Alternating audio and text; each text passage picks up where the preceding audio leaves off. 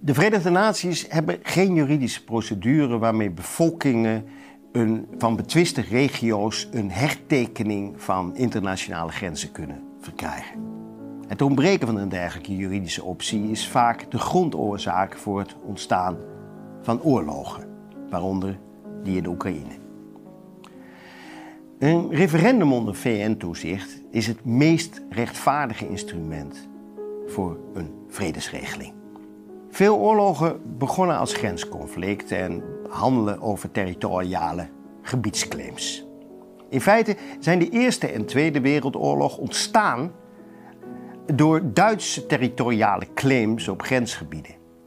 Het nu Franse Elsass-Lotharingen en was oorspronkelijk Duits Elsassers spreken, net als Luxemburgers, tot op de dag van vandaag een Duits dialect. De Poolse regio Pommeren en de stad Gdansk waren voor de Tweede Wereldoorlog Duits, evenals de Tsjechische Bohemen. Door het ontbreken van een procedure begon de Duitse overheid met steun van haar bevolking met militaire operaties. In 1938 Tsjechië, 1939 Polen en 1940 Frankrijk, waarmee de Tweede Wereldoorlog een aanvang nam.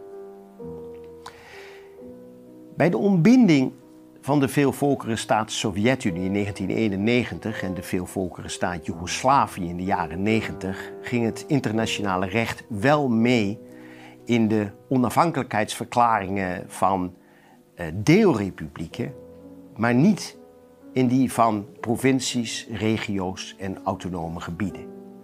Hertekening van grenzen binnen een deelrepubliek bleef voor het Westen onbespreekbaar. En dat leidde tot de Joegoslavische burgeroorlog met militaire confrontaties aan de Kroatische Servische, de Bosnische Servische en de Kosovaars-Servische grens. De deconstructie van de Sovjet-Unie verliep door de opofferende houding van Sovjet-president Gorbachev vreedzaam, maar er volgde 25 jaar later een vertraagde reactie.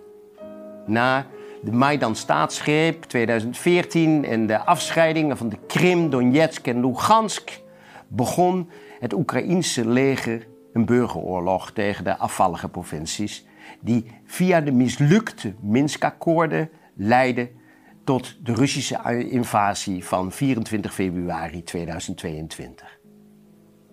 Het internationale recht faalt. Het gaat wel mee in de afscheiding van een deelrepubliek, maar niet in die van een provincie, regio of uh, autonoom gebied. Ofwel Estland, Letland, Litouwen en Georgië konden onafhankelijk worden, maar de Russisch gezinde uh, provincies Donetsk, Lugansk, Abhazie en Zuid-Ossetië niet. Vanuit Joegoslavië werden Slovenië, Bosnië en Noord-Macedonië wel soeverein, maar het Westen weigerde in te gaan op een hertekening van de Servische Bosnische en de Servische Kosovaarse grens. Het principe dat alleen een deelrepubliek afscheidingsrecht heeft, werd met de onafhankelijkheidserkenning van de Servische provincie eh, Kosovo doorbroken. Het Westen mat in 2008 openlijk met twee maten toen het wel de provincie Kosovo erkende, maar geen zelfbeschikking wilde toekennen aan Russisch gezinde provincies in Oekraïne en Georgië. De westerse politiek en media waren zich daar eigenlijk nauwelijks van bewust, maar in Rusland en Servië besefte men die dubbele moraal terdege. Bij het onafhankelijkheidsreferendum in Catalonië ging het eveneens dramatisch mis. In reactie op het door hen georganiseerde referendum op 1 oktober 2017 werd de Catalaanse regering grotendeels opgepakt en in een Spaanse gevangenis gegooid. De Catalaanse president Puigdemont en enkele ministers vluchtten naar Brussel, waar ze via hun verkiezing tot EU-parlementariër immuniteit verkregen. De arm van de Spaanse Inquisitie reikt echter tot in het EU-parlement. In Brussel en Puigdemont verloor na twee jaar zijn immuniteit als EU-parlementariër. Hij werd als het ware vogelvrij voor de Spaanse justitie. De tragedie doet denken aan de vogelvrijverklaring van onze eigen stadhouder Willem van Oranje in 1580 door de Spaanse koning Philips II. De vogelvrijverklaring leidde in 1581 tot, het, tot de afscheiding van de zeven provinciën middels het plakkaat van verlatingen.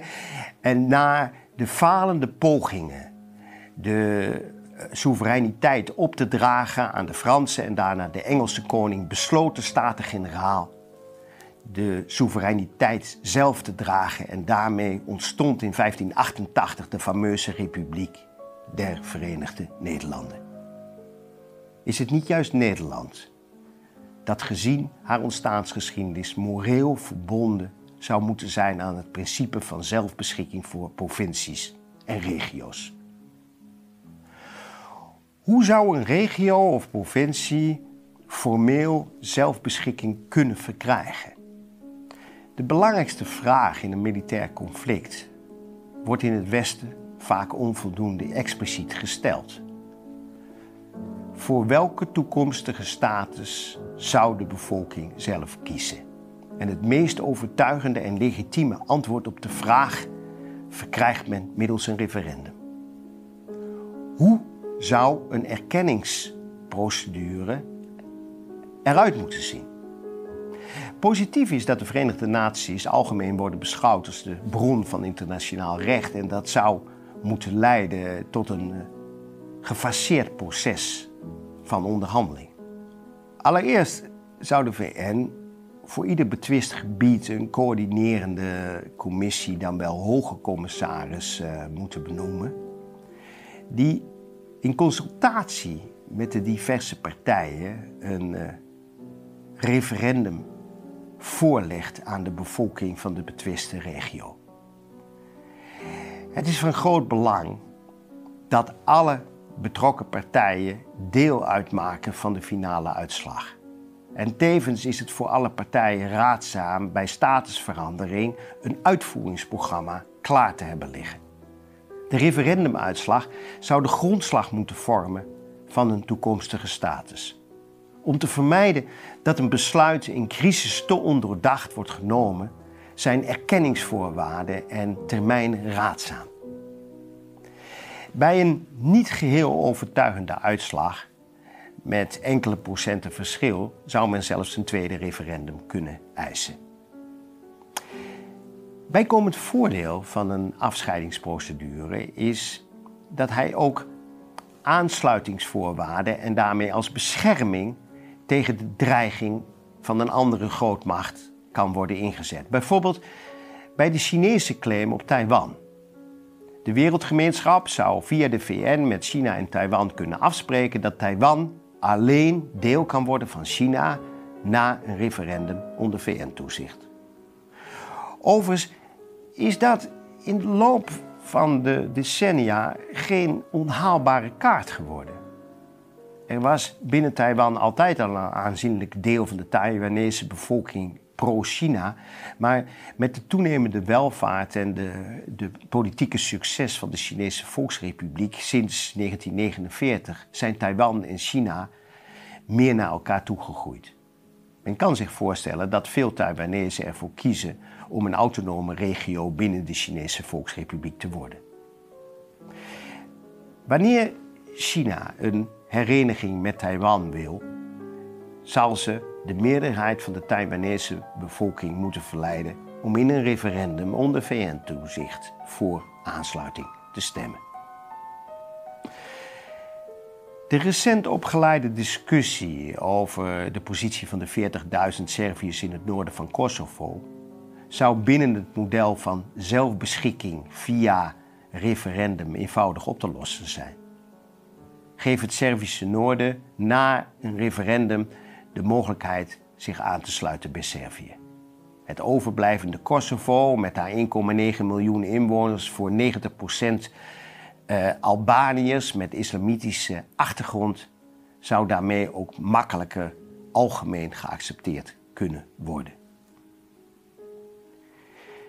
Het internationaal gerechtshof in het Haagse Vredespaleis is het juridisch orgaan van de Verenigde Naties en beoordeelt geschillen tussen uh, naties in zaken territoriale integriteit. Het Internationaal Gerechtshof in het Haagse Vredespaleis is het juridisch orgaan van de Verenigde Naties en beoordeelt geschillen tussen naties in zaken territoriale integriteit. Het instellen en toepassen van een vaste procedure om internationale grenzen te hertekenen kan een van de belangrijkste middelen worden om volkeren op democratische wijze hun zelfbeschikking te geven en oorlogen te voorkomen.